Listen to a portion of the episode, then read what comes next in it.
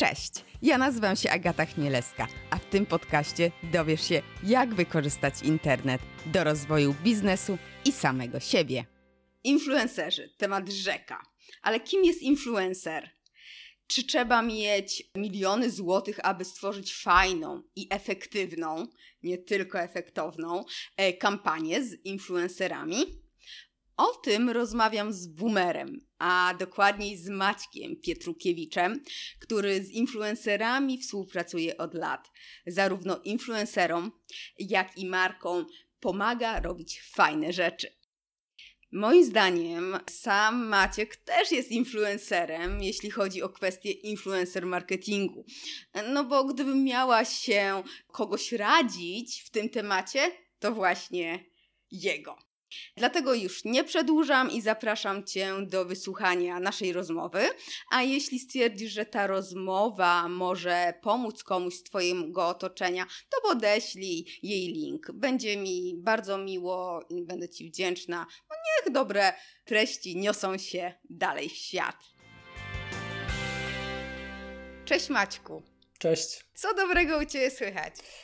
Ach, no wreszcie się słyszymy. To myślę, że to jest e, dobra rzecz, bo się umawiamy już od jakiegoś czasu i wreszcie się udało. To myślę, że to jest na pewno e, fajnie, że, że udało nam się dopiąć to spotkanie, nie? Tak, tak, to jest, to jest na pewno pozytywne. Kot też już odwiedził przed, przed rozpoczęciem nagrywania, się przywitał, więc też miły element e, na, na początek też się pokazał. Może jeszcze przyjdzie w czasie nagrania. E, może chce być influencerem. To jest. Właśnie, bo chcę o influencerach z Tobą porozmawiać. Mhm. I jak Ty definiujesz słowo influencer? Mm, Wiem, że jest dużo definicji i wiem, że każdy, kogo zapytasz, będzie miał e, troszkę inną i słyszymy właśnie, że kto jest influencerem, kto nie jest. Dla mnie bardziej pełna jest ta taka też ogólniejsza definicja, czyli osoby, która ma swoją społeczność i ma wpływ. I wiem, że mm, część osób e, będzie próbowała właśnie to precyzować, że są to osoby, które nie wiem, albo tworzą content, albo właśnie na tym się wybiły Aczkolwiek mam wrażenie, że w ostatnim czasie, zwłaszcza, jest to dużo trudniejsze, żeby e, tak jednoznacznie właśnie określić, kto mógłby być influencerem, kto nie. E, chociażby jeśli chodzi o celebrytów, tak? Mam wrażenie, że też e, sporo osób chce oddzielić, że celebryta to jedno, a influencer to drugie. Aczkolwiek jak patrzę sobie często, no to wiele osób, które zaczynały jako blogerki, dzisiaj są celebrytkami. Nie wiem, jeżeli pomyślimy o Ma Fashion, Jessica tak. Mercedes czy Watana Wears, to są osoby, które dosyć często, wiesz, widnieją gdzieś na pudelku i wiele tak. osób bardziej będzie myślało pod kątem ich celebryckości, a niekoniecznie influencingu ale mam wrażenie, że właśnie influencer to taka osoba um, wpływowa w internecie, Mm, I tutaj rzeczywiście będzie sporo, sporo sytuacji, kiedy ktoś się będzie zastanawiał, czy taka osoba jest influencerem, czy nie. Moim zdaniem e, nie ma sensu tego jakoś super mocno wydzielać do jakiejś jednej, wiesz, konkretnej grupy osób, e, no bo bardzo dynamicznie się ten e, rynek nam zmienia. Okay. Chyba, że ty masz swoją definicję i chciałabyś ją ze mną skontrastować. Nie, ja właśnie mam pytanie tutaj o to, co mhm. powiedziałeś. Osoba, która ma wpływ i tutaj mhm. nawiązanie też do twojej e, firmy Dobry Wpływ. Właśnie, mhm. czy ci influencerzy, którzy niekoniecznie mają dobry wpływ, czyli propagują jakieś dobre rzeczy, a namawiają mhm. raczej do. No bo są różne, różne też treści publikują, czy to też są influencerzy, którzy mają wpływ, ale ten wpływ niekoniecznie jest pozytywny, bo, bo mają tam. Os- e, słuchaj, oglądają ich osoby, załóżmy YouTuberów, mhm. tak? Bo akurat ten przykład jest tako naj, mhm. najczęstszy, pato-influencerzy, którzy e, puszczają jakieś takie, no. Mm, filmiki pokazujące przemoc albo nie, niefajne zachowania. No i młodzież najczęściej, ludzie obserwują, jakiś tam wpływ pewnie ci ludzie mają. Czy to też jest influencer? No tutaj sama powiedziałam, pato influencer, ale ale nadal jest ta, e, wiesz, cząstka mm, influencer, nie? I wydaje mi się, że trochę to jest odpowiedź na twoje pytanie, że mm, no, wszyscy mają wpływ z tych, z tych, z tych takich osób, o których myślimy. No właśnie jest kwestia tego, czy mają dobry, czy zły, ale nie da się ukryć, że jakiś wpływ mają, tak? I są firmy, które angażują ich do kampanii. I te osoby mogą czasem e, rzeczywiście mieć jakieś wyniki interesujące dla tych firm. Więc e, to, co na przykład z naszej perspektywy będzie dobre, prawe, sprawiedliwe, to dla kogoś może być e, zupełnym przegięciem i w drugą stronę. Więc e, chcąc, nie chcąc, e, wiele osób ma ten wpływ. No, kwestia jest często, żeby dobrać takie osoby, zwłaszcza pod kątem działań różnych firm, żeby to ryzyko właśnie takich niewłaściwych zachowań było jak najmniejsze. Okej, okay, okej. Okay. I tutaj, yy, no bo też influencerów, no to już podzieliliśmy pato influencerzy, mhm. no i influencerzy, ale też pod kątem takich zasięgów. Yy, mhm. Ty też swój raport wydawałeś i chyba dwie edycje, jeżeli nie, nie mylę się, z mniejszymi influencerami. Mniejszymi, czyli nie mhm. właśnie Ma Fashion czy Jessica Mercedes, którzy już, no tutaj faktycznie o celebryckość, no można mhm. już y, je podłączyć. I jak właśnie wygląda, mm, jaką niesie ze sobą wartość współpraca z e, influencerami, którzy mają mniejsze zasięgi? Bo mhm. tutaj no ma fashion, no to wiemy, że ogrom ludzi ją obserwuje, słucha i, i coś możemy się spodziewać, też no, spodziewać się pewnie wysokiej faktury, ale yy, są mniejsi influencerzy i jeszcze tacy malutcy, tak, którzy mhm. faktycznie można powiedzieć, że ja na przykład jestem mikro, mikro influencerką, bo mam blog kulinarny, który ma statystyki, ale moja obecność w social mediach jest tak znikoma, że ja żadnego wpływu nie mam na nikogo. I powiedz mi, jak wygląda współpraca, jaką korzyść, czy w ogóle czy jest sens tworzyć y, współpracę z takimi naprawdę malutkimi, y, mhm. a jaka jest też wartość z tymi malutkimi, no i tymi takimi średnimi influencerami? Mhm. E, po pierwsze, jedna rzecz, z którą się z Tobą nie zgodzę. Mm, wydaje mi się, że także masz wpływ e, i chociażby ta nasza rozmowa dzisiejsza e, też jest rodzajem kontentu, który później pójdzie w sieć. Być może obejrzy to jakaś firma, ktoś z marketingu, zainspiruje się tą wiedzą i później stworzy jakąś fajną kampanię z influencerami. Więc e, co do wpływu, to wydaje mi się, że tutaj trochę, trochę się nie doceniasz. A dużo pytań, więc będę starał się tak po kolei no odpowiadać. No tak. Trochę nawiązałaś właśnie do tej celebryckości. Wydaje mi się, że osoby z mniejszymi zasięgami są ewidentnie jakby bliżej odbiorców, tak? To są te osoby, które pewnie częściej odpowiedzą na jakąś wiadomość e, od, od odbiorcy. E, być może też ich życie jest dużo bliższe, bo jeżeli mówimy o celebrytach, to tam wchodzą w grę już duże pieniądze, mm, wille z basenem, wyjazdy i tak dalej, a też wiem, że ciągnie nas do, do takich osób, które są bardzo nam bliskie, więc, e, więc tacy mniejsi influencerzy też pewnie częściej reprezentują ten styl życia taki nieidealny, ten, ten styl życia mm, no, każdego z nas de facto. I to, I to dla odbiorców jest duża wartość, ale także dla firm, które no, chcą jakby, żeby ich przekaz też był naturalny dla odbiorców, tak? Jeżeli, nie wiem, sprzedajesz jako firma buty, no to też chcę, żeby ten Twój e, komunikat reklamowy w kampanii z influencerami dobrze wybrzmiał, no i, i też chcę, żeby to było naturalne, więc, e, więc e, często wiem, że też ludzie kierują się do takich mniejszych osób, do osób, które mają mniejsze, tak jak powiedziałeś, zasięgi. Mm, przede wszystkim też dlatego, że mają mniejsze budżety. I to, I to nie ma co ukrywać, że, że osoby z mniejszymi zasięgami mm, są po prostu osobami tańszymi. Tak? Nie wiem e, o jakich influencerach ty myślisz, mówiąc, e, jeśli chodzi o mniejszych zasięgach, ale ja gdzieś widzę tak osoby do jakichś 15-20 tysięcy followersów na Instagramie, podobnie do y, osoby, które na blogu mają kilka tysięcy odsłon miesięcznie, albo mają kilka tysięcy subskrypcji na YouTubie, tak? I ich e, materiały ogląda tak po mhm. kilkaset, kilka tysięcy osób. Myślę bardziej o takich osobach, bo to, to rzeczywiście są osoby, które można często nazwać tymi mikroinfluencerami, o których wiele mitów narosło, że to są super, ekstra, y, jedyne osoby, które teraz będą rządzić internetem. Aczkolwiek y, zwracam też uwagę, że y, one też czasem e, są dotknięte przez, e, przez różne rzeczy takie trochę negatywne dla, e, dla całej branży, a mianowicie chociażby ilość współpracy. I to, że wiesz, duzi influencerzy mają tych współprac dużo, no to to jest naturalne.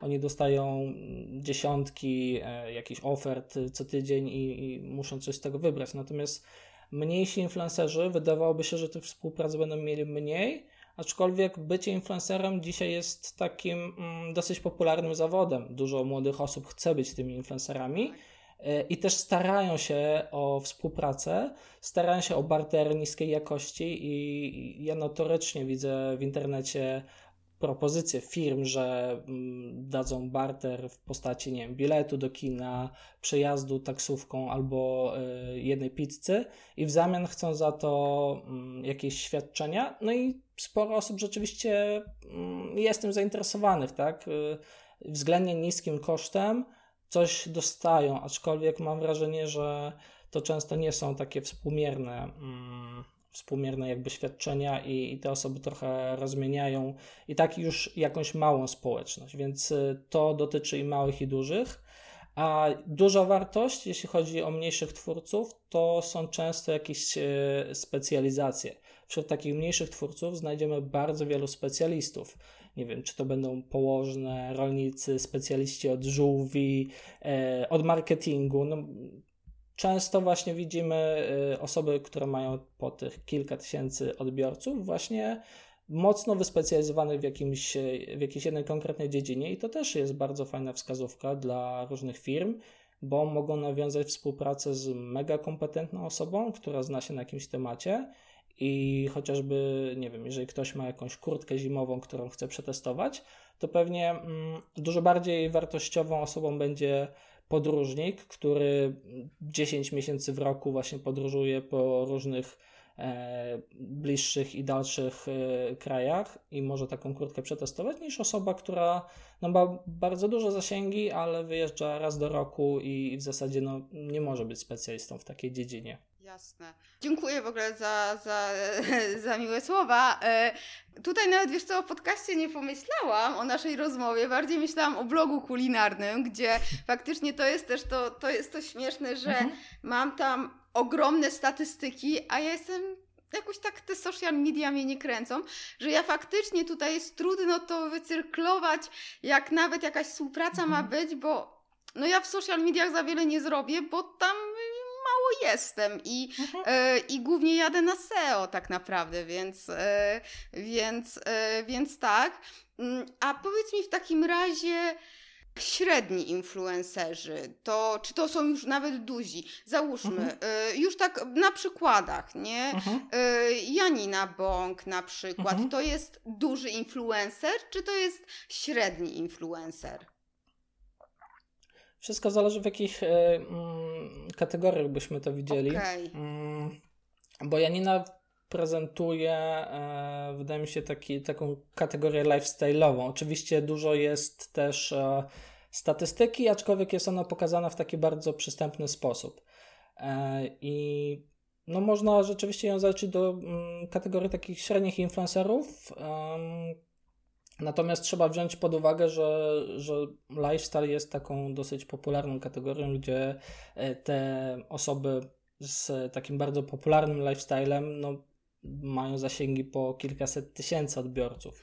Więc to wszystko jest, jest bardzo względne. Dzisiejszy e, lifestyle tych najpopularniejszych influencerek no to, to, to wiesz, to, to są e, konta z odbiorcami po 1, 2, 3 miliony, więc e, wydaje mi się, że to są takie mm, rzeczy, które mogą nam trochę pomagać, aczkolwiek wydaje mi się, że to też dużo szkodzi, jeżeli właśnie się ograniczamy tylko do zasięgów, do, mm, do, do, do followersów, a dużo fajniej myśleć o jakichś konkretnych celach, na których nam zależy, czy, czy patrzeć na wiarygodność. Pod wieloma względami Janina będzie super wyborem i już mm, nie ma co patrzeć na to, czy jest średnim, dużym, czy innym influencerem, bo pod kątem na przykład wiarygodności, pod kątem e, tolerancji, to jest osoba, na której można bardzo dużo fajnych komunikatów oprzeć.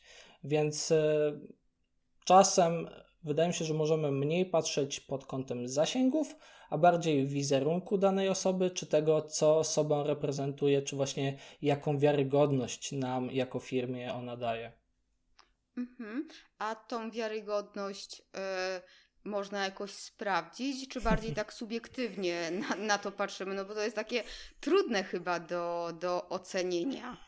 Mhm. Z jednej strony proste, z drugiej trudne, bo oczywiście nie ma żadnych e, mierników wiarygodności, nie ma wiarygometru i, i nie sprawdzimy, nie sprawdzimy na, e, na, na jakiej skali, e, jak to wygląda, ale mm, wiarygodność to jest na przykład brak jakichś afer.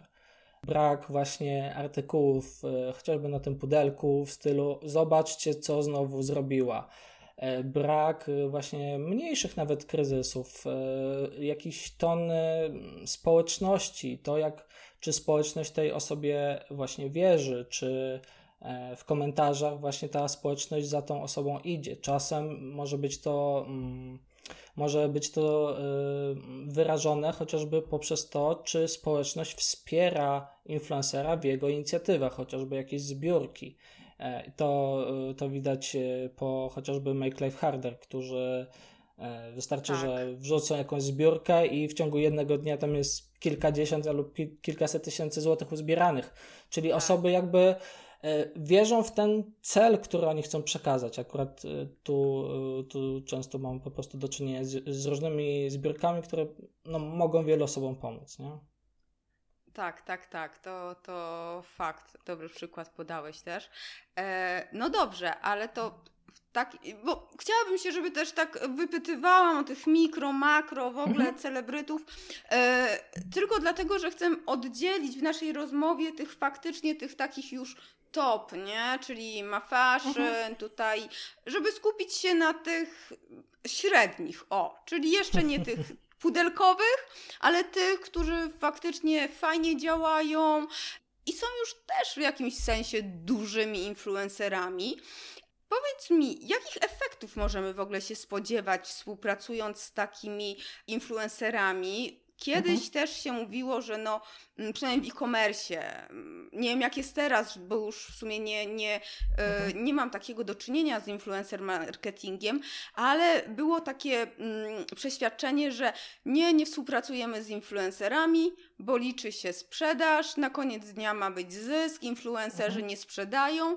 E, no my oboje wiemy, że to nie tylko chodzi o sprzedaż i myślę, że teraz też branża też jest bardziej świadoma, ale gdyby tak sobie mm, określić te, mm, te efekty? Jakie możemy mhm. sobie cele postawić? Mhm. No ja nie będę łatwym rozmówcą, bo od razu powiem, że w zasadzie to nie ma znaczenia jaka jest wielkość twórcy, ale właśnie jak go w ogóle dopasowujemy do, mhm. Mm, do kampanii, do, do naszych celów. Wydaje mi się, że te, te rzeczy, o których będę mówił, będą adekwatne dla wszystkich. Aczkolwiek okay. będę, będę brał pod uwagę tych, tych trochę mniejszych, nie tych e, z samego topu.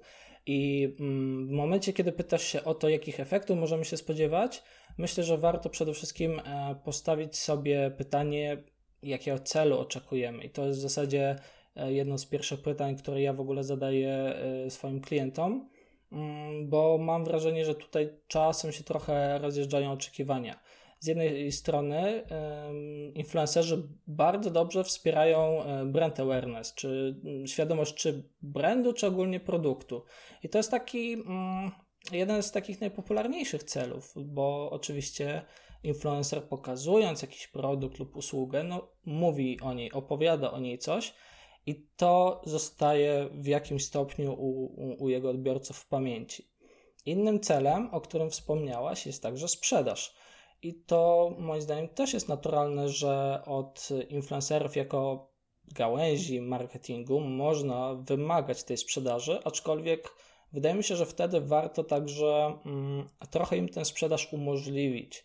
E, a miałem, mam, na, mam na myśli to, że sam influencer może wygenerować ciekawy komunikat sprzedażowy, przekierować do strony, ale na przykład jeżeli e, strona będzie kompletnie nieintuicyjna, to klient może nie dokończyć tego zakupu, tak? tak? Albo jeżeli klient nie będzie miał żadnego bodźca do, y, do tego, żeby kupić to akurat teraz, to też tego zakupu nie dokończy. I mam wrażenie, że właśnie z jednej strony ta sprzedaż jest oczekiwana, a z drugiej strony mało jest mechanizmów sprzedażowych, które w tym mogą pomagać. Mam tu na myśli e, kody e, rabatowe, mam tu na myśli promocje ograniczone czasowo, no bo umówmy się, jako ludzie jesteśmy e, takimi stworzeniami, które e, potrzebują bodźce, żeby tak. podjąć jakąś decyzję, że jeżeli nie, nie mamy tego deadline'u, to będziemy odwlekać czasem decyzję w nieskończoność. Będziemy się zastanawiać, może te buty, może tamte, na tamte jest promocja, może pójdę zobaczyć w sklepie, a jak jest komunikat, że za dwa dni się kończy promocja, kupujesz albo nie, a tu masz jeszcze rabat, no to trzeba podjąć tą decyzję, tak? W jedną lub w drugą, ale ta decyzja będzie podjęta, więc y, jeżeli wymagamy rzeczywiście od influencerów sprzedaży, to umożliwiajmy im to jak najbardziej. E, przy czym właśnie no, influencerzy także e, fajnie sprzedają i znam mnóstwo case'ów, gdzie ta sprzedaż była. I, i, i też mm, wiem, że sporo osób sporo firm tej sprzedaży będzie wymagać, będzie na to patrzeć, zwłaszcza jeśli chodzi o małe firmy, które walczą o przetrwanie, zwłaszcza teraz na tym trudnym rynku tak. i mogą się zastanawiać, czy z influencer marketingu będą mieli e, konkretne efekty. Oczywiście są też, e, są też e, cele na przykład takie jak trafik, gdzie firmie na przykład zależy na tym, żeby mm, przekierować jak najwięcej osób na stronę, mm, no i wtedy też, też jakby te komunikaty są trochę inne, czy te narzędzia są inne, bo chociażby do trafiku, to pewnie jednym z najlepszych narzędzi będzie Instagram Stories, które mhm. E, potrafi zbudować świadomość na temat jakiegoś produktu i od razu przekierować do, e, do strony. Pod warunkiem, że właśnie e, twórca ma te przynajmniej 10 tysięcy followersów i ten legendarny swipe up. Więc w przypadku takich mniejszych, mniejszych poniżej 10 tysięcy followersów, no to na przykład ten cel e, jest dużo ciężej osiągnąć. Też, też to warto mieć na uwadze. Dobra, a powiedz mi, jeżeli my chcemy jako marka, ok, ułatwić sprzedaż, no to wiemy. Mhm. A druga rzecz jest taka, czy to w ogóle jest jeszcze obecne, trochę historii. Jak mhm. ja jeszcze byłam na rynku tym kulinarnym, no to były takie też yy, chodziły, no o, mówiło się, o sprzedał się przed współpracę z jakąś marką. Czy to dalej jest tak, że influencerzy mają jednak te obawy, że a, nie wejdziemy we współpracę, bo, bo coś tam. Ja to widzę na mhm. Patronajcie w podcastach, że mhm. E, radiowcy, byli radiowcy, którzy teraz są, no nie chcą za bardzo chodzić na, we współpracę z brandami, dlatego że mają patronów i nie chcą być tutaj posądzeni o to, że się sprzedali, nie? I czy to dalej jest problem? Problem, nie problem. Czy to dalej jest? I drugie mhm. pytanie, jeżeli tak, to jak marka może też ułatwić taką współpracę, żeby ona wyglądała trochę bardziej naturalnie? Mhm. Wydaje mi się, że w momencie, e, gdy mm, pewna e, branża w postaci raperów e, regularnie realizuje kampanie właśnie z markami, to wszystko jest możliwe, bo to znaczy raperzy byli tą kategorią osób, które mówiły, no my się nigdy nie sprzedamy, my tu nie będziemy pokazywać jakichś produktów za, za kasę, a no to też się dzieje i to jest, e, i to jest normalne, więc jeżeli raperzy sobie radzą z tymi kampaniami, to myślę, że każda grupa osób sobie poradzi. Radiowcy też nie powinni mieć z tym, z tym większych e, problemów. Oczywiście super, jeżeli mają możliwość takiego niezależnego finansowania w postaci Patronite'a, aczkolwiek moim zdaniem Patronite to też jest złota klatka, bo mm, to już jest, e, to już są pieniądze, które my mm, bierzemy od odbiorców i pojawia się nad głową takie oczekiwanie, że teraz ja muszę pracować, bo dostałem pieniądze. I nie może być takiej sytuacji, że nie wiem, coś się stanie i będziemy chcieli, albo po prostu będziemy sobie chcieli zrobić wolne, bo jednak będzie, o, odbiorcy chcą, zapłacili, to, to ja im muszę dać. I akurat pod tym kątem, no takie jednorazowe kampanie są lepsze, bo zrealizujesz kampanię, potem możesz robić cokolwiek chcesz. A Patronite to jest zobowiązanie. I wiem, że od mm, influencerów, którzy wchodzili w takie, e, w takie finansowania, czasem to mocno wadziło i to mocno nad nimi wisiało.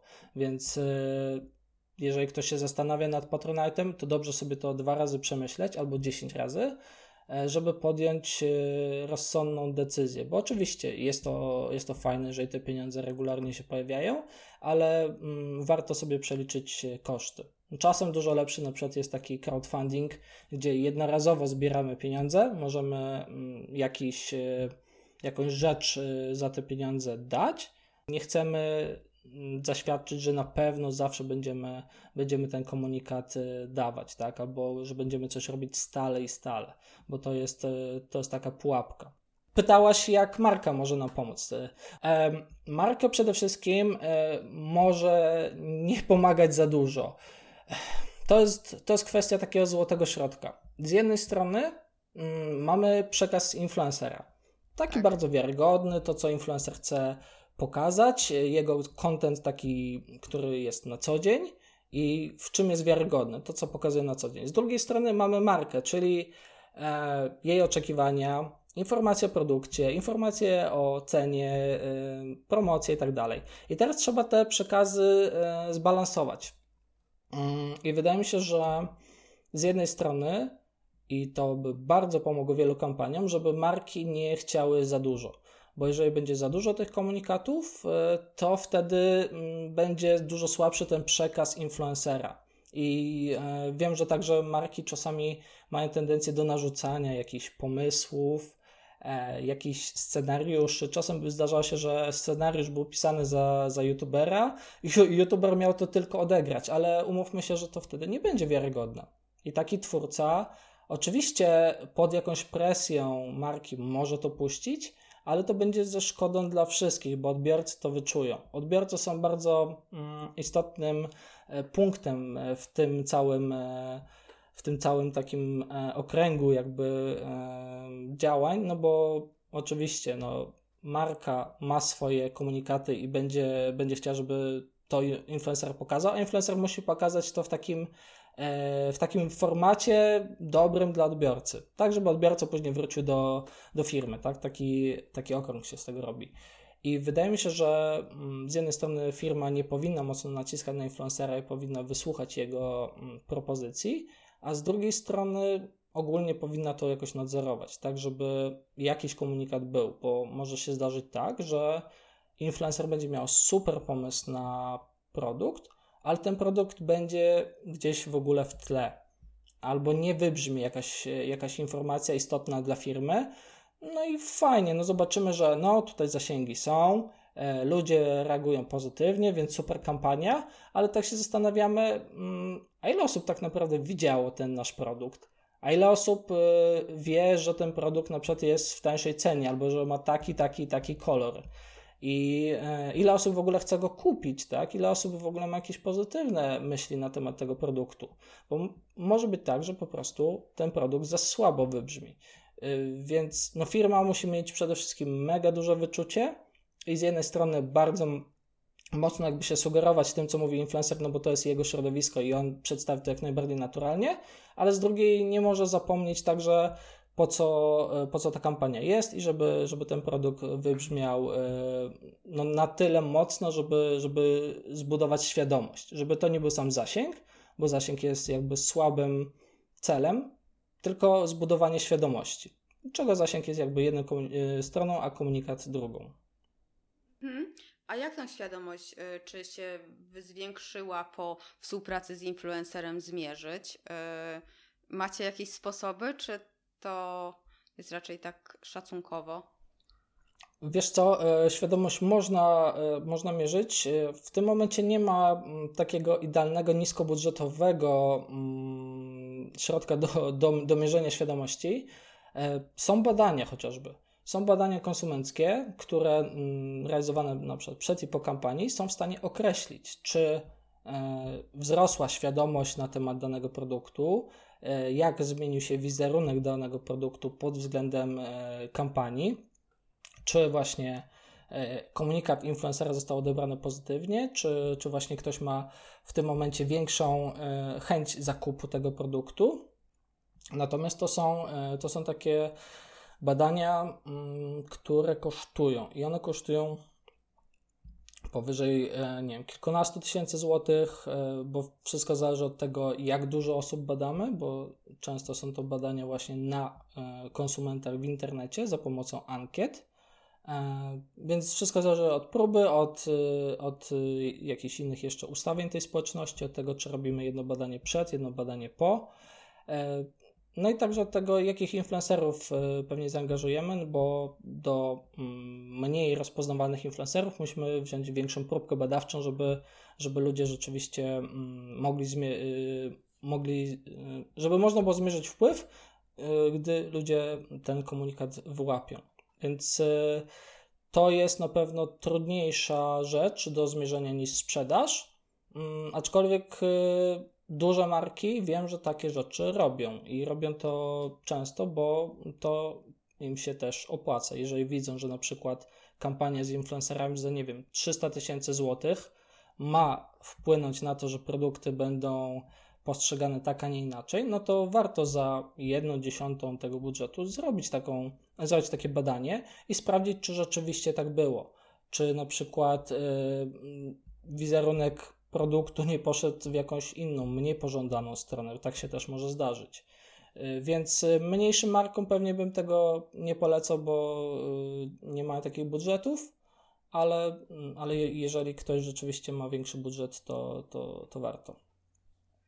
Okej, okay, okej. Okay. A w takim razie powiedz mi, jak znaleźć tych influencerów do współpracy? Mhm. Y, tutaj no oczywiście no prawda jest taka, że najlepiej się odezwać do firm takich jak Twoja, które znają, ale też ja zawsze e, radzę też sprawdzić samemu, nie? No bo to też jakiś, w jakiś so, sposób swój taki mały research zrobić yy, i też. Yy, też poszukać, jak w ogóle, jak szukać, czy to po prostu wpisywać jakieś frazy na w Instagramie, czy może są jakieś spisy tych takich yy, no, mniejszych, średnich, ale wartych, bo są takie perełki, które fajnie też odkryć, nie? I, yy, i, i nie są aż tak popularne. Mhm, jasne. E, przede wszystkim wydaje mi się, że pierwsze co warto zrobić, to mm, śledzić treści w internecie, wokół których chcemy być blisko. Być e, blisko grupy docelowej, na której nam zależy E, regularnie właśnie zapoznawać się z tymi treściami, które te osoby szerują. Możemy sobie e, ustalić taką personę, e, która, która naszym zdaniem jest takim idealną, jest taką idealną grupą docelową i sprawdzać, kto jest takimi influencerami, którzy są właśnie wiarygodni dla takiej osoby, jakie właśnie, jakie treści są szerowane, E, jacy influencerzy są wiarygodni. I wtedy namierzać takich influencerów i wtedy śledzić ich i sprawdzać, i, i sprawdzać także mm, to, jak oni, e, jak oni się komunikują, czy, czy dla naszej marki będą takim odpowiednim, e, odpowiednim typem do, do współpracy. Drugą osobą, w sensie drugą takim sposobem rzeczywiście może być wyszukiwanie na Instagramie po konkretnych frazach czy po hashtagach. Wtedy też e, widzimy osoby, które mm, są niejako popularne albo niedawno publikowały jakieś treści na temat danego hashtaga. I możemy także patrzeć na osoby do nich podobne, czyli e, w momencie, kiedy mamy profil e, na Instagramie, no to tam poniżej też się wyświetlają konta podobne do tego i także mamy możliwość przewijania, przeszukiwania bardzo wielu kont, bo taki research, no to umówmy się, że to nie nie jest tak, że się zadowolimy tym pierwszym, drugim, trzecim e, kątem. To często jest e, kwestia wyboru spośród kilkudziesięciu różnych profili, e, sprawdzania, który profil rzeczywiście nam pasuje.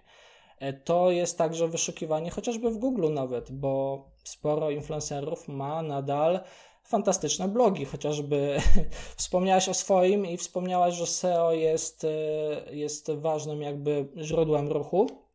Spokojnie, jeżeli byłaby firma która chciałaby promować swoje przyprawy, może trafić na takiego bloga mm, i także jakby namierzyć Ciebie jako osobę do kampanii. Nie wiem, na ile jesteś teraz aktywna w sferze kulinarnej, ale taki scenariusz jest jak najbardziej możliwy z, y, z punktu widzenia właśnie y, firm z tej kategorii. Wydaje mi się, że, to, że że pewnie na drodze researchu nadal e, Twój blog się gdzieś tam wyświetla osobom, które mm, przygotowują oferty właśnie na takie, mm, na, na, takie kategor- na, na takie kategorie po prostu jak kulinaria, nie?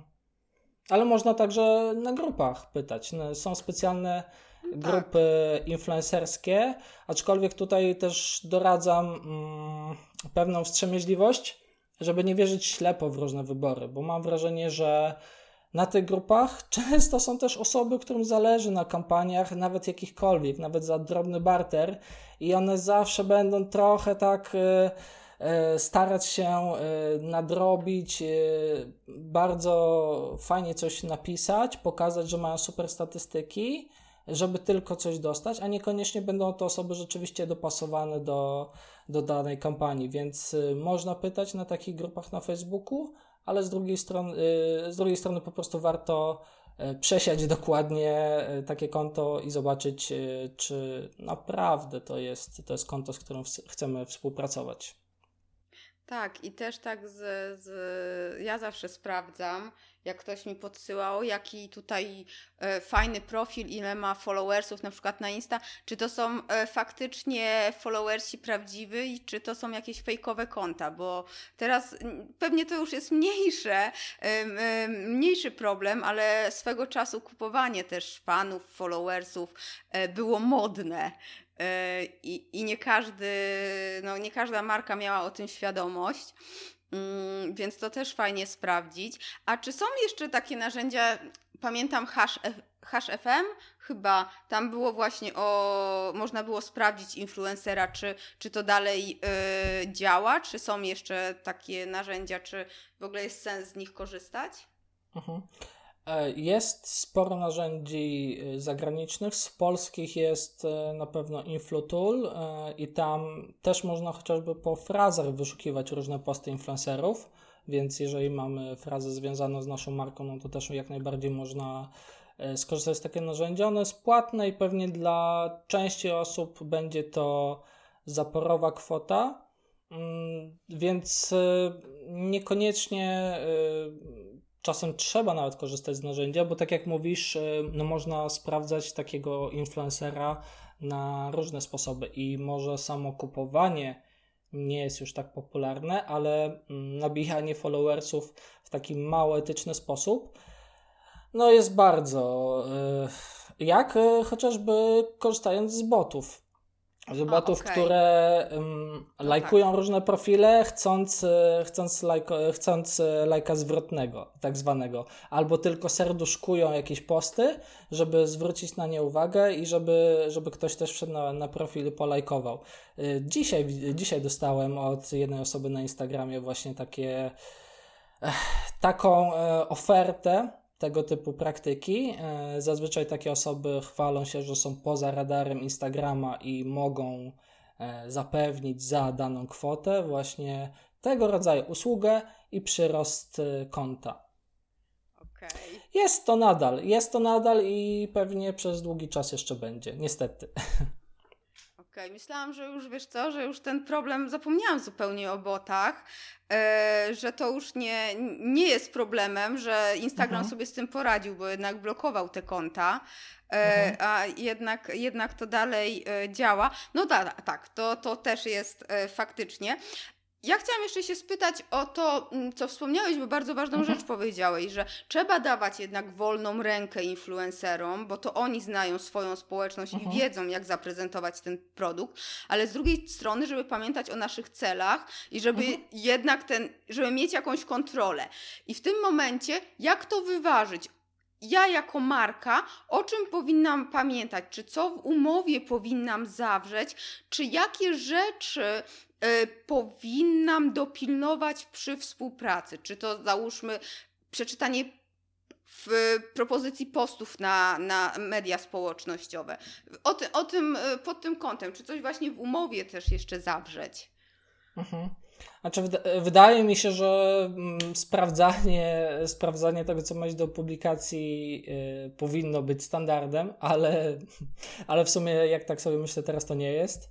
I, okay. czasem, I czasem idą, czasem idą naprawdę, wiesz, jakieś komunikaty, które, mm, których marka nigdy nie chce wypuścić.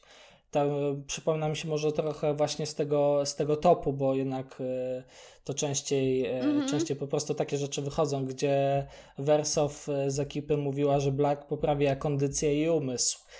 I, i, to, I to było w ramach współpracy. I tak sobie myślę, że ja później sprawdzałem zresztą na, na fanpage'u i oczywiście takich e, Black jako marka takich komunikatów nigdzie nie daje.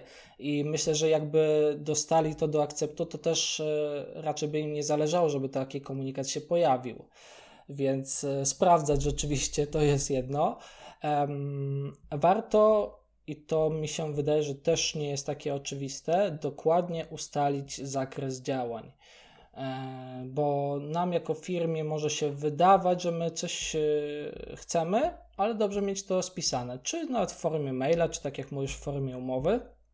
I tu mi się też przypomina e, głośna sprawa Pantinki, takiej youtuberki z własnym sklepem, która miała konflikt z Julią Wieniawą. E, I e, no, Pantinka jako właśnie przedstawicielka takiego no, trochę mniejszego biznesu, bo ona e, stawia na takie meble ekskluzywne, mm, chyba z Bali sprowadzane, albo robione z jakichś materiałów i stylizowane właśnie na no, produkty skojarzone właśnie z Bali. Mm, no właśnie ona troszkę sobie zamieszała i skomplikowała sprawę, bo na początku chciała wysłać prezent, i tak to zakomunikowała, że, wysyła, że, że chce wysłać jakiś mebel e, i, i, i chciałaby właśnie, żeby Julia Wieniewa to dostała, a potem zapytała się, a może jeszcze, e, nie wiem, wyślesz jakieś zdjęcie albo wrzucisz jakieś zdjęcie z tego. No i tutaj już się pojawił problem, bo influencerka myślała, że to jest tylko, mm, w sensie odbierała to jako tak. prezent z ewentualnie możliwością wrzucenia, a po drugiej stronie, po stronie firmy zbudowało się już oczekiwanie, że to musi być wrzucone. I z tego narosło e, bardzo duże nieporozumienie, bo e, oczywiście influencerka mm, nie przywiązywała do tego tak dużej wagi, też po jej stronie były jakieś błędy później. Natomiast e, Pantinka odebrała to jako oszustwo i nagrała film na YouTubie, że została oszukana przez influencerkę, później Wieniawa coś tam jej odpisała i drugi film się pojawił, gdzie już e, wprost, e, wprost szły takie dosyć mocne słowa i się zrobił mega zły PR wokół e, Julii Wieniawy w danym momencie, który mam wrażenie, że nie był do końca jej winą, tylko był kwestią takich niesprecyzowanych do końca oczekiwań, bo na, jeżeli na początku mówisz coś o prezencie, a później się to zamienia w barter, czyli taką regularną współpracę, no to druga strona może być w pewien sposób skonfundowana. Więc Wiem, że wiele firm nadal wysyła prezenty i to jest ok, ale myślę, że bardzo jasno trzeba sprecyzować, czy wysyłacie prezent, czy e, oferujecie barter, czy oferujecie współpracę płatną. I takie rozróżnienie na samym początku jest mega istotne, żeby nie było różnych nieporozumień.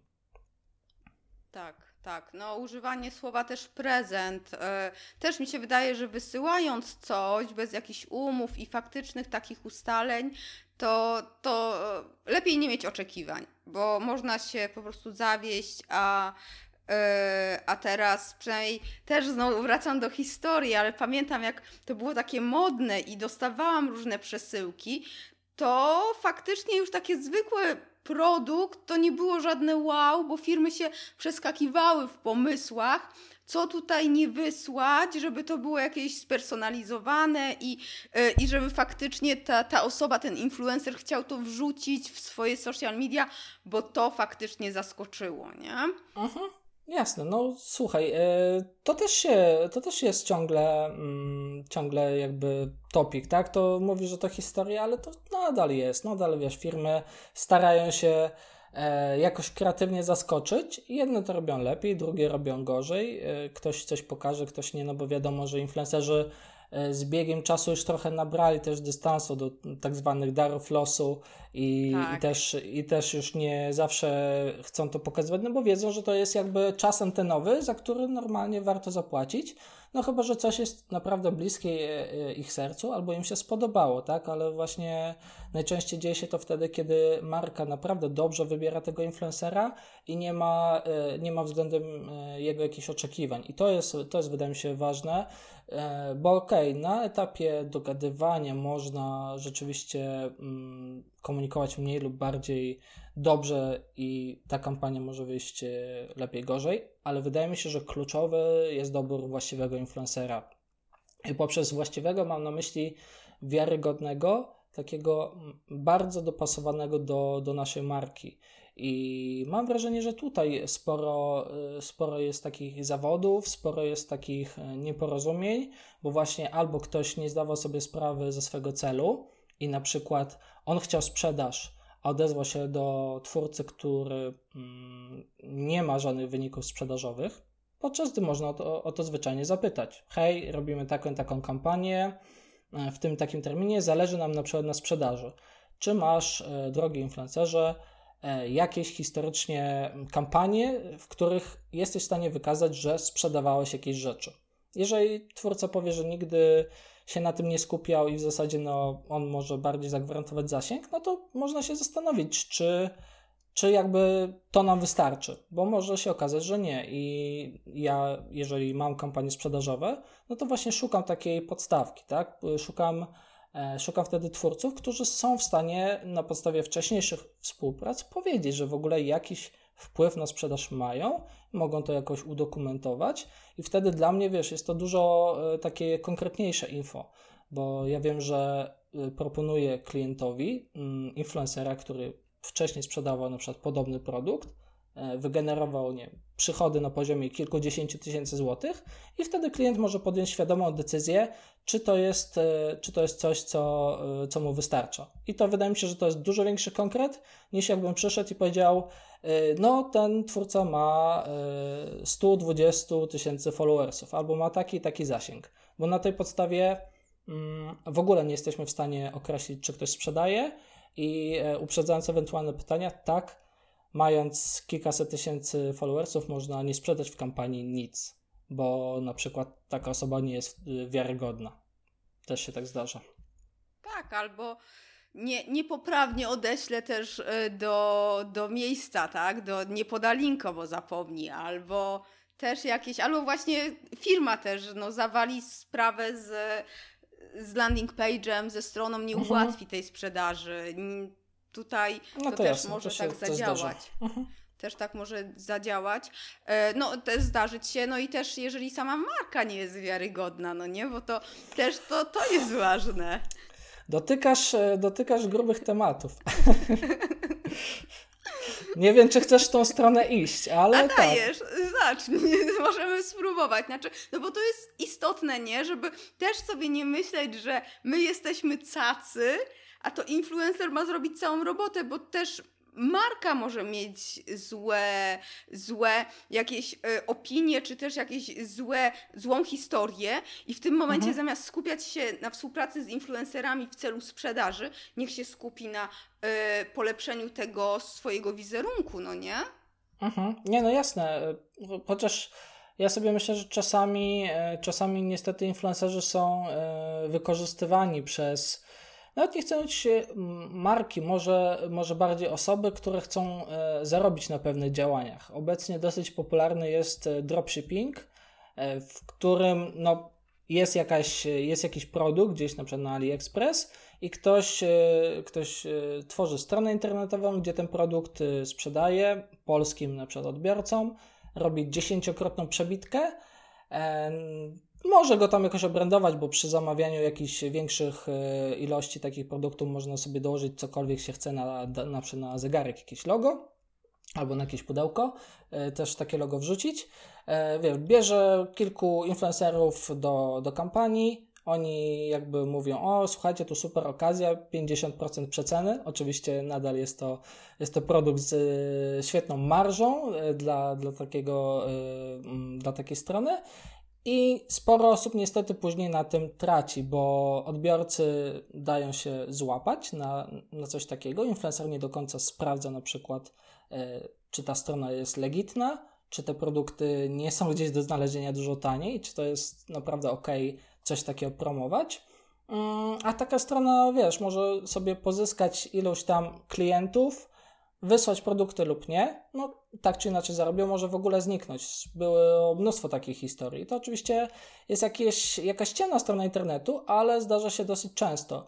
Więc y, dla firm, które na przykład y, nie chcą być takimi złymi, y, złymi praktykami kojarzone, to też warto sprawdzać, co influencer promował wcześniej, albo zapytać się, co będzie chciał promować później, bo poprzez historię współpracy możemy zobaczyć, czy influencer jest wiarygodny. Tak jak mówiłem, nie ma wiarygometru, ale możemy zobaczyć, że jeżeli ktoś e, raz albo dwa promował jakiś scam, no to to nie zostało bez echa. To sporo osób nadal e, pewnie ma to w głowie i e, jeżeli raz się nacięli, to drugi raz no, nie będą chcieli zaufać temu influencerowi. I nawet jeżeli przyjdzie fajna firma z fajnym produktem, wiarygodna, no to te osoby będą miały mm, jakieś znaki zapytania, nie będą chciały w coś takiego wejść. I w efekcie, słuchaj, może być wszystko świetnie zaplanowane, strona sprzedażowa, promocja, e, super oferta, dobrze dopasowany produkt do twórcy,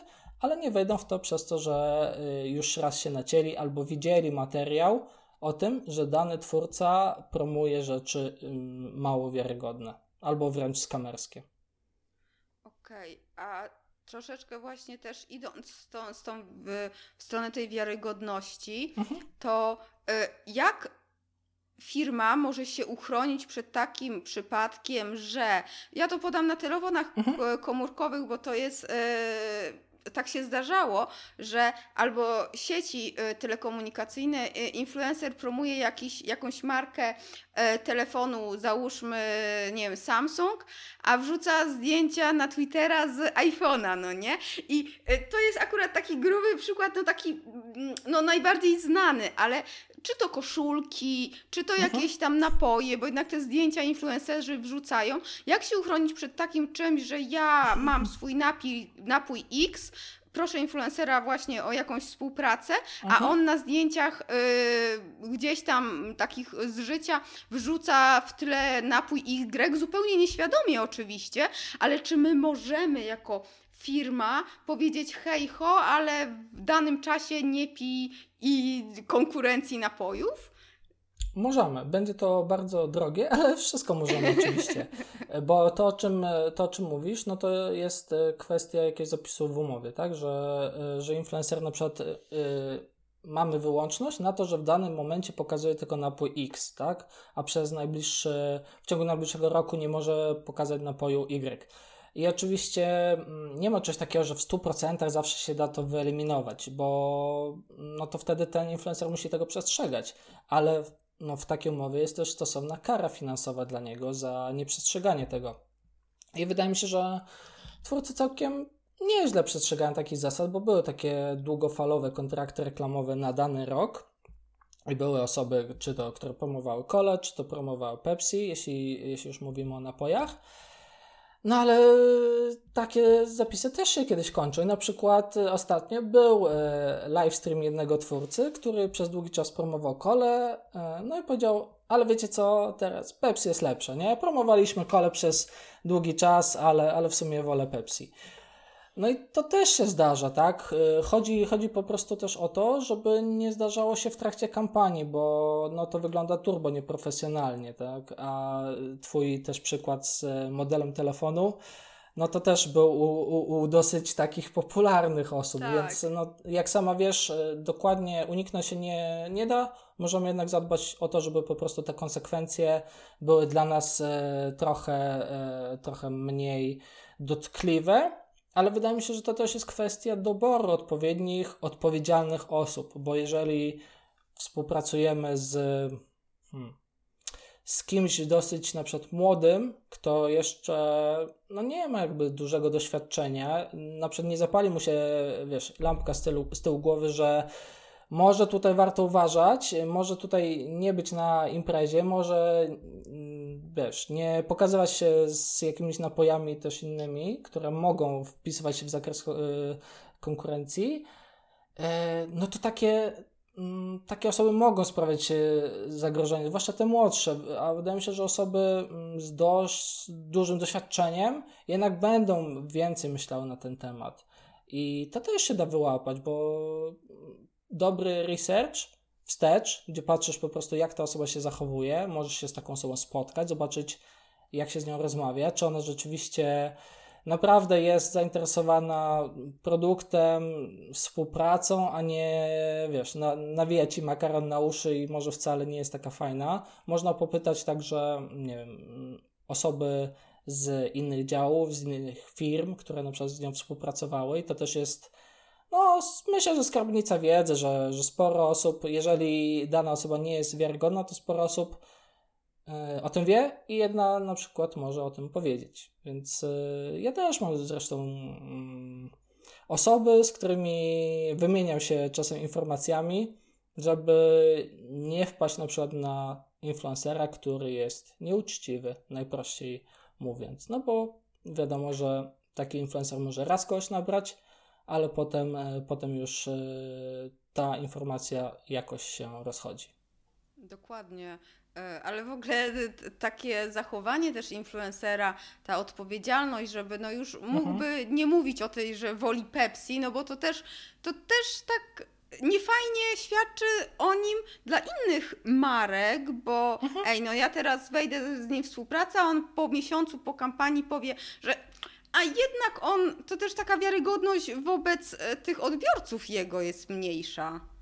Tak, tak. No, wiesz, to y, naprawdę wydaje mi się, że jeżeli już mówimy o takich kampaniach długofalowych, trochę wychodzimy z tematu, bo, y, bo to raczej są droższe kampanie, no to jednak y, no myślimy sobie o, o tym, że to jest zobowiązanie na długi czas i że dobrze taką osobę prześwietlić, że trzeba mega dobrze jakby dobrać yy, twórcę, no bo utkniemy z nim na rok, tak? Jeżeli, yy, jeżeli to będzie osoba yy, taka, która no nie do końca można jej zaufać, no to, to wyjdzie pewnie i wydaje mi się, że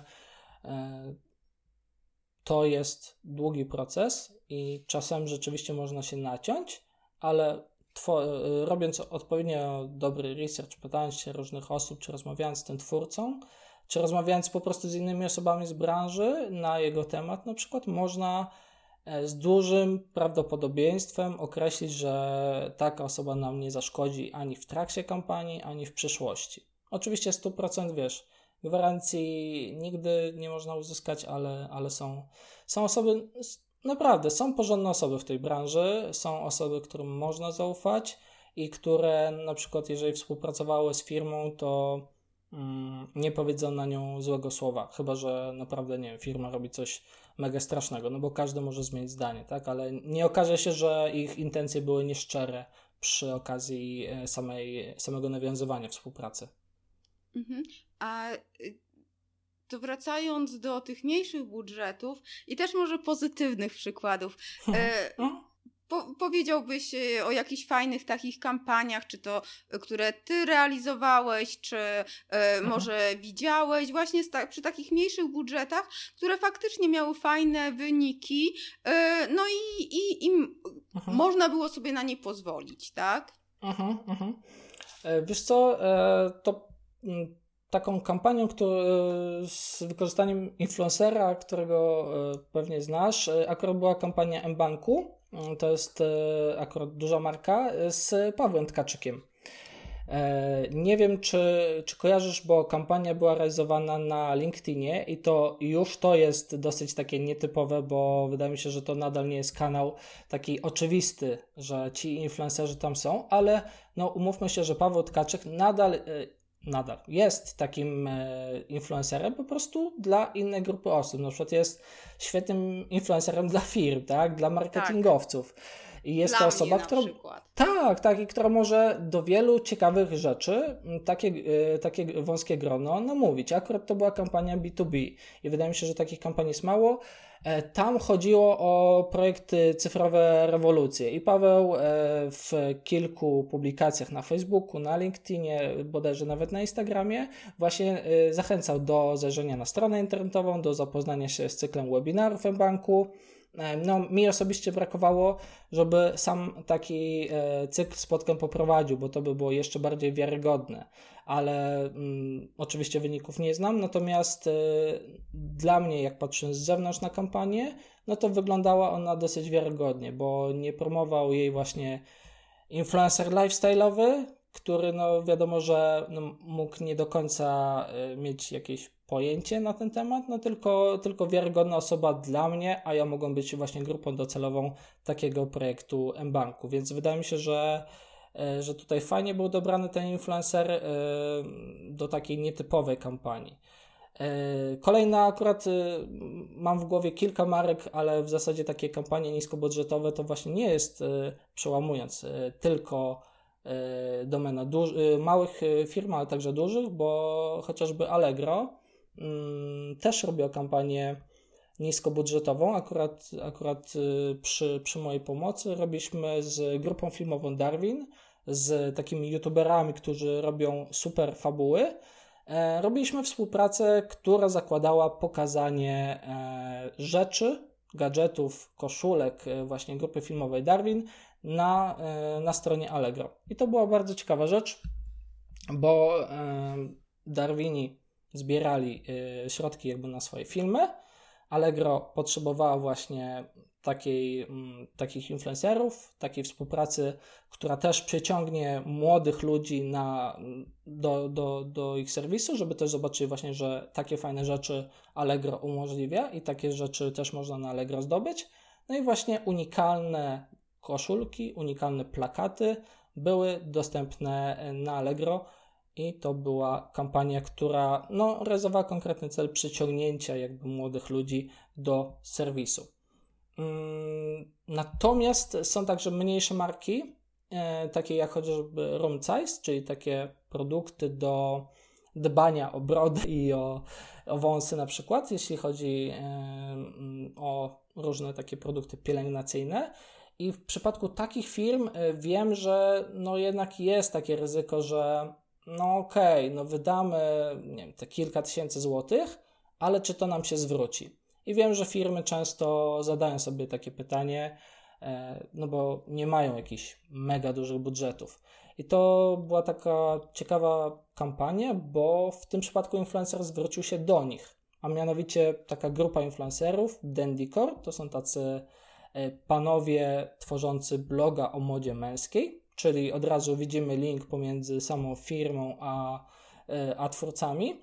No i oni zaproponowali kampanię, bo stwierdzili, że no hej, skoro używamy i tak już tych produktów, no to może zrobimy jakąś akcję razem. I to jest, i to jest zresztą fajna, um, fajna rada dla firm, żeby być też otwartymi na takich influencerów, bo ja wiem, że super osoby zwracają się do firm z własnymi pomysłami. Te pomysły są Mm, dopasowany do nich, no bo twórca sam ten koncept wymyśla, e, prawdopodobnie korzysta z tych produktów, więc jest mega wiarygodny e, później przekaz. Jeżeli ci odbiorcy widzą i tak ten produkt, który widzieli wcześniej, ale widzą go po, go po prostu jako e, komunikat reklamowy, który twórca mówi: No hej, zawsze pokazuję Wam za darmo. dzisiaj dogadałem się z marką i no ja będę coś z tego miał, a Wy będziecie mieli super content. No i właśnie tak było z, z tą kampanią gdzie e, Dandycore, ci influencerzy, pokazywali po prostu, jak dbać o pielęgnację brody, wąsów e, za pomocą mm, tych produktów. Właśnie pokazywali i w formie bloga, i w formie e, YouTube'a. A dlaczego powiedziałem, że było mm, mniejsze ryzyko? Bo kampania była finansowana w takim modelu hybrydowym, że część część budżetu jakby była stała, a część była uzależniona od y, przychodów wygenerowanych przez influencerów, czyli taką zwykłą afiliację. I w momencie, y, w momencie, kiedy po prostu influencerzy wygenerowali jakiś przychód, no to procent od tej sprzedaży trafiał z powrotem do nich. I wydaje mi się, że to też jest mega ciekawy pomysł dla różnych firm, żeby proponować taki model rozliczenia. Oczywiście nie każdy influencer będzie chciał na to pójść. Akurat Dendicore są super influencerami, mm, którzy są w stanie udokumentować sprzedaż u siebie, więc oni byli pewni swojej wartości, tego, że są w stanie te produkty sprzedać i się na coś takiego zgodzili.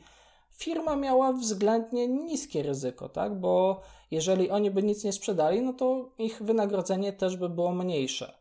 I wydaje mi się, że to też dla wielu firm będzie bardzo sprawiedliwy układ. Są w ogóle firmy, które tylko taką, mm, taki model e, prowadzą. Mm, oczywiście mogą dać w barterze jakiś produkt.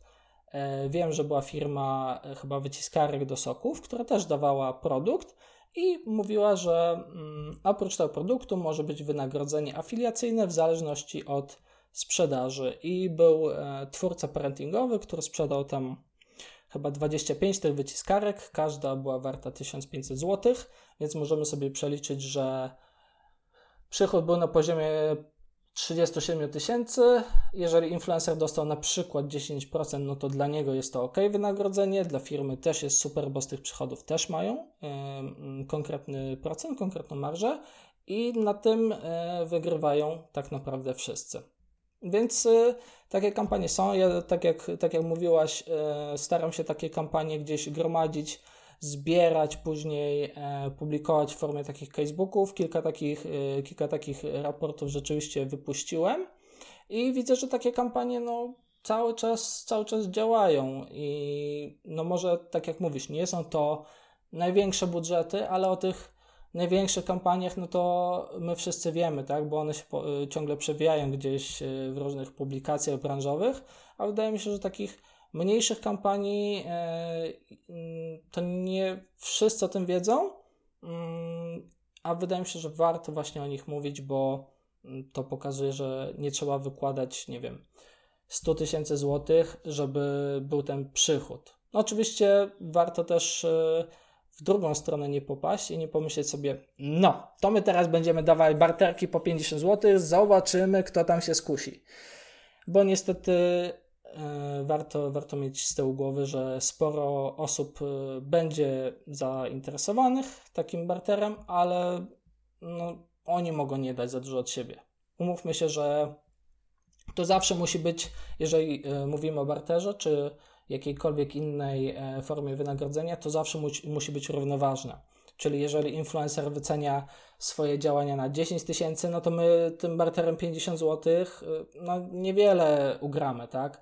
A to jest ciekawa rzecz, że mm, to propos rozpoznawania właśnie takich mało, e, mało sensownych influencerów, że jeżeli rzeczywiście oferujemy taki niski barter, typu 200-300 zł i przychodzi osoba, która ma kilkanaście tysięcy followersów, subskrybentów, no to jest duży znak zapytania, czy ona mm, rzeczywiście ceni tę społeczność, czy ją pozyskała w sposób etyczny, bo każda osoba z taką społecznością będzie ją wyceniała zdecydowanie drożej. Takie społeczności są czasem zbierane przez lata, e, zwłaszcza jeżeli mówimy na przykład o jakichś ekspertach, i no, 10 tysięcy, 15 tysięcy i więcej odbiorców, mm, to nie jest społeczność, którą my kupimy za 200 zł. Więc jeżeli, jeżeli, jeżeli widzicie po prostu, że ktoś się bardzo nisko wycenia, tak niebezpiecznie nisko, że myślicie sobie, że złapaliście świetną okazję, to warto się zastanowić, czy to nie jest tak, że, że ta osoba e, po prostu pozyskała sobie nawet tymi botami e, taką społeczność, bo to ciężko mówić o społeczności, wtedy po prostu e, jakieś lajki czy jakieś followy i czy, i czy ona po prostu nie chce wykorzystać sytuacji. Niestety to się zdarza, mało się o tym mówi i widzę, że, że ten proceder też hula w najlepsze ale to, to jest właśnie to, że, że tak to bywa i ja też mam trochę takich współ, znaczy propozycji mm, właśnie za barter, zresztą to widać w na przykład Rich Blogger, tak, gdzie, gdzie takich jest pełno propozycji i y, to może być ok, jeżeli nam zależy tylko na linku se, pod SEO, nie? Backlinku, który prowadzi do naszej witryny, to my możemy się dogadać za jakiś wpis, ale ja też to wyceniam więcej niż 200-300 zł, nie? Bo to jest moja praca i to jest po, do, ponad tysiąc, nawet więcej, e, w zależności o który tam blok chodzi, nie? Więc Aha. to, to też Zwróć na uwagę, ile lat y, pracowałaś na wypozycjonowanie na przykład tak. tego bloga. Y, warto myśleć, jeżeli jesteście firmą, warto myśleć właśnie kategoriami twórcy, że to nie jest tak, że on w dwa tygodnie jakby uzyskał te kanały i warto, warto wejść jakby w jego pozycję i się zastanowić, jeżeli kilka lat pracowałeś, pracowałaś na to, żeby te kanały mieć, na super Instagram, na fajnego bloga, na y, YouTube'a, który się świetnie kręci, no to nie oddasz y, jakichś świadczeń, y, jakiejś publikacji za kilkaset złotych. No, taki influencer już będzie wolał sam sobie kupić ten produkt i samemu zdecydować, czy będzie chciał to pokazać, czy nie. No chyba, że tak jak, tak jak mówię, e, bardzo łatwo pozyskał, e, bo zdarza się może nie kupowanie followersów, ale zdarza się kupowanie całych profili. E, później po prostu zmieniają nazwy, nie? I, I, ktoś kupił cały profil i później, wiesz, e, zbiera e, różnych różne firmy, które dadzą mu tu barter, tu barter, tu prezent i, i, tak się, i tak się kręci. Nie wiem, czy biznes, no, taka bardziej zabawa w sieci. Niesamowite, nieźle. A powiedz, można jeszcze pobrać te twoje raporty, które przygotowywałeś? Są jeszcze gdzieś dostępne do pobrania? Wiesz co, e, w tym, w tym momencie e, w tym momencie chyba nie, bo przygotowuję nowy, a ja mam okay. z reguły taką, e, taką zasadę, że, że jakby ten nowy jest do pobrania, więc myślę, że na jesieni będzie. Aczkolwiek, jeżeli ktoś się do mnie nawet odezwie gdzieś na priv czy na Instagramie, to, to ja mu chętnie jakąś, jakiś ostatni podeślę, bo to nie, okay. jest, to nie jest tajemnica. Super. Nie? Super, super. E, to czyli do ciebie się na newsletter najlepiej zapisać, żeby dostać Tak, info. tak. Okay. Na newsletterze, e, co, co ciekawe, na newsletterze, newsletter jest bardziej dla twórców, e, ale też okay. myślę, że jeżeli ktoś jest zainteresowany takimi casebookami, to jest to właśnie też dołączany taki casebook z produktami influencerów, bo to jest też bardzo fajna rzecz, o której akurat dzisiaj sobie pewnie nie będziemy rozmawiać, ale jest to bardzo jakby taki duży trend, no bo no my rozmawiamy o współpracach, ale wielu tak. twórców chce mieć taką niezależną e, stronę działalności i jakby sami tworzą własne produkty, więc e, ja właśnie w Facebookach z jednej strony skupiam się na pokazywaniu kampanii, a z drugiej też na pokazywaniu produktów, tak. bo to też zresztą może być fajny trop dla mark i wiem, że są takie marki, które tworzą własne produkty z influencerami, tworzą własne e-booki, gdzie ci influencerzy na przykład się wypowiadają, ale tworzą, nie kosmetyki, lody ekipy tak. i inne, inne, inne ciekawe rzeczy, więc y, mm, to też jest jakby jeden, jeden z kierunków, tak? W ogóle wydawnictwa, tak? To jest y, taki już standard, tak? Że mamy markę w postaci wydawnictwa, które bierze influencera zasięgowego, żeby stworzyć wspólny produkt i jakby wtedy wszystkie strony na tym zarabiają. Tak, tak, tak, tak. Tak, no faktycznie też, też przeglądałam ten twój casebook właśnie z mhm. produktami. Też jest fajny, żeby tak zobaczyć, co robią e, mhm. twórcy i e, pod co można się podpiąć, żeby coś wspólnego zrobić, fajnego, bo jednak tak jak e, w, teraz dużo w podcastach siedzę, to mhm. jednak e, no ta znana, e, mając, o, mająca społeczność, persona, jednak pomaga danemu produktowi. To mocno pomaga, więc to też mhm. fajnie wykorzystać e, przy, przy tworzeniu nowych e, produktów mm, w, w, tym kierunku pójść. A powiedz, ja wiem, że to jest trudne pytanie i to zawsze to zależy, ale tak mało budżetowe kampanie, o których mówimy, to jakie to są pieniądze? Czy to jest 5 tysięcy złotych na influencera, czy to jest e, 10 tysięcy? E, tak uśredniając, plus minus. Mhm, to zależy. e, mm, bo tak naprawdę no jednego, e, jednego takiego budżetu nie ma. E, I patrząc na to, że e, większy budżet daje nam na przykład możliwość wykorzystania więcej influencerów, no to górnej jakby granicy nie ma. Tak. A dolne, a dolne wydaje mi się, że mm, zdiagnozowałaś całkiem nieźle, bo mając 5-10 tysięcy można już wykorzystać, nie wiem, nawet takich dwóch, trzech solidnych twórców i, i nawet przy niewielkiej liczbie świadczeń z ich strony zrobić jakąś taką pierwszą solidną kampanię, nawet na samym Instagramie, nawet na samych Insta Stories, które tak jak mówię, mm, to jest bardzo ciekawe narzędzie, tak, bo ono umożliwia raz, że zbudowanie świadomości, dwa, że przekierowanie od razu na stronę, czyli jest ten potencjał sprzedażowy. W przeciwieństwie do na przykład zdjęcia na Instagramie, no, z którego no, możemy przekierować do linku w bio i z tego linku do strony, ale wiecie, to jest jedno, dwa kliknięcia więcej, ludzie są leniwi i tego pewnie nie zrobią. A no, na stories jednak jest to łatwiejsze.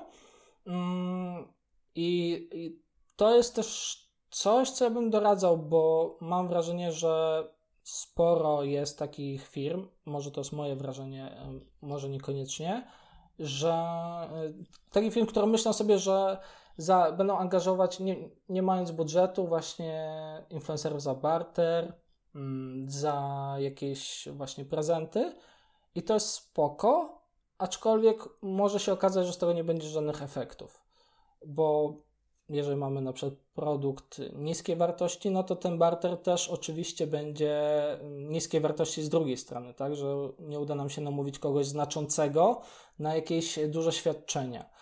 I e, jako, że musi być to wyrównane, no to, e, to jednak czasem warto przeznaczyć nawet na jedną osobę jakiś budżet kilku tysięcy, żeby zobaczyć, czy to rzeczywiście ma sens. Oczywiście dobrze, żeby była to osoba Mm, tak jak mówię, y, wiarygodna, bez zbyt dużych, hmm, zbyt dużych takich wątpliwości, jeśli chodzi o to, jak pozyskiwała tych followersów, bo to też sobie można sprawdzać na wiele sposobów. Mm, I z takim, i z takim no już influencerem z renomą sprawdzać, e, czy ten produkt, który my mamy, pasuje do influencer marketingu. Wydaje się, że zdecydowana większość produktów pasuje i można jakby ten, tą sprzedaż, czy to budowanie świadomości, cokolwiek innego, co sobie tam wymyślimy w strategii i gdzie nam influencerzy pasują, no to można to osiągnąć. Ale y, bardzo łatwo można wpaść w to, że jeżeli nie mamy budżetu, no to y, tworzymy dziesiątki kampanii tylko opartych o bartery, nic z tego nie mamy i mówimy, że influencerzy nie działają. Zazwyczaj jest to kwestia bardziej tego, że marka może być totalnie przezroczysta, może nie mieć pomysłu na siebie, może nie mieć strategii i chce realizować kampanię z influencerami, a ona sama nie ma jakby odpowiednich komunikatów. Bo pamiętajmy, że influencerzy są tubą.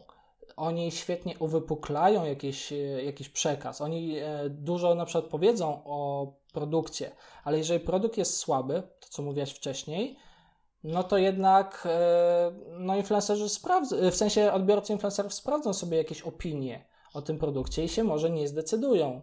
E, więc e, pierwsze, co warto zrobić mm, z poziomu firmy, no to rzeczywiście zadbać o to, żeby ten przekaz, żeby ten przekaz był jakiś, był wiarygodny, był, żeby była misja, żeby naprawdę influencer poczuł, że to jest marka z, z krwi i kości. Czasami oczywiście trzeba taką komunikację przygotować, nawet udać się do specjalisty, żeby o to zadbać, stworzyć jakąś strategię, e, nie wiem, kanały sprzedażowe, lejki, zastanowić się, gdzie ci influencerzy pasują w tej całej układance i dopiero wtedy się odzywać. Wydaje mi się, że czasami firmy chcą za wcześnie, bo influencerzy są mega modni e, i pewnie będzie to dziwnie brzmiało z moich ust jako e, specjalisty właśnie mm, działającego w influencer marketingu, ale nie zawsze warto od razu działać z influencerami.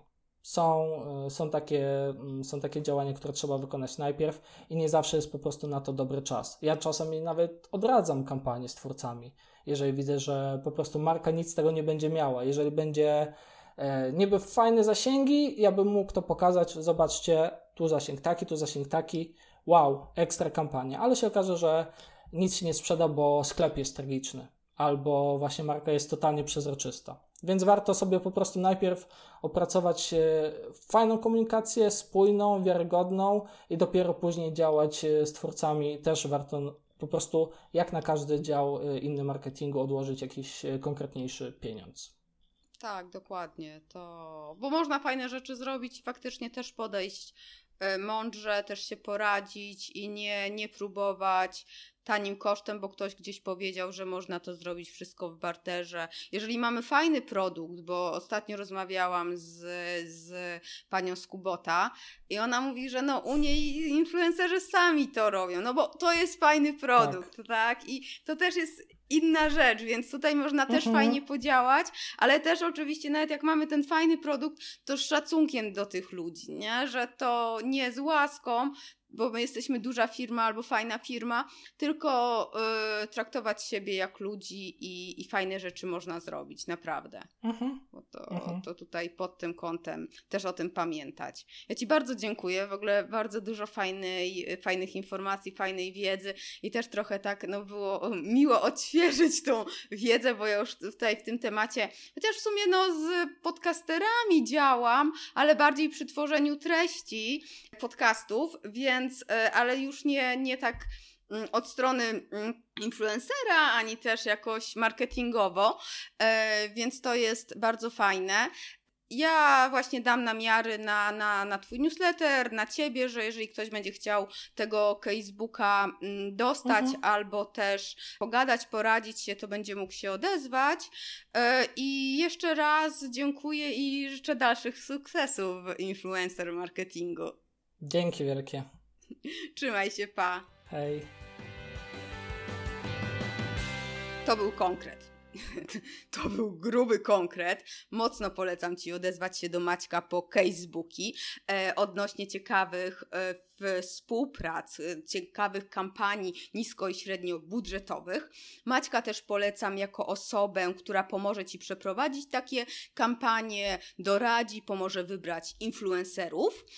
A jako, że Maciek już sam wspomniał o moim blogu kulinarnym, o współpracy z nim, no to głupio, jeżeli nie pociągnę tego tematu, więc pociągnę go. Więc zapraszam na eksperymentalnie.com, a jeśli stwierdzisz, że kontent na nim zawarty jest no, odpowiedni do Twojego produktu, usługi, to napisz na aga.małpaeksperymentalnie.com. Ale koniec już tej autopromocji. Notatki do tego odcinka, mm, w tym namiary na Maćka znajdziesz na stronie achmieleska.com łamane na 87. Mm, I jeszcze raz będę Ci wdzięczna, jeśli podzielisz się linkiem do tego odcinka z osobami, e, którym może on pomóc, może się przydać. A teraz trzymaj się radośnie i niech moc i konwersja będą z Tobą.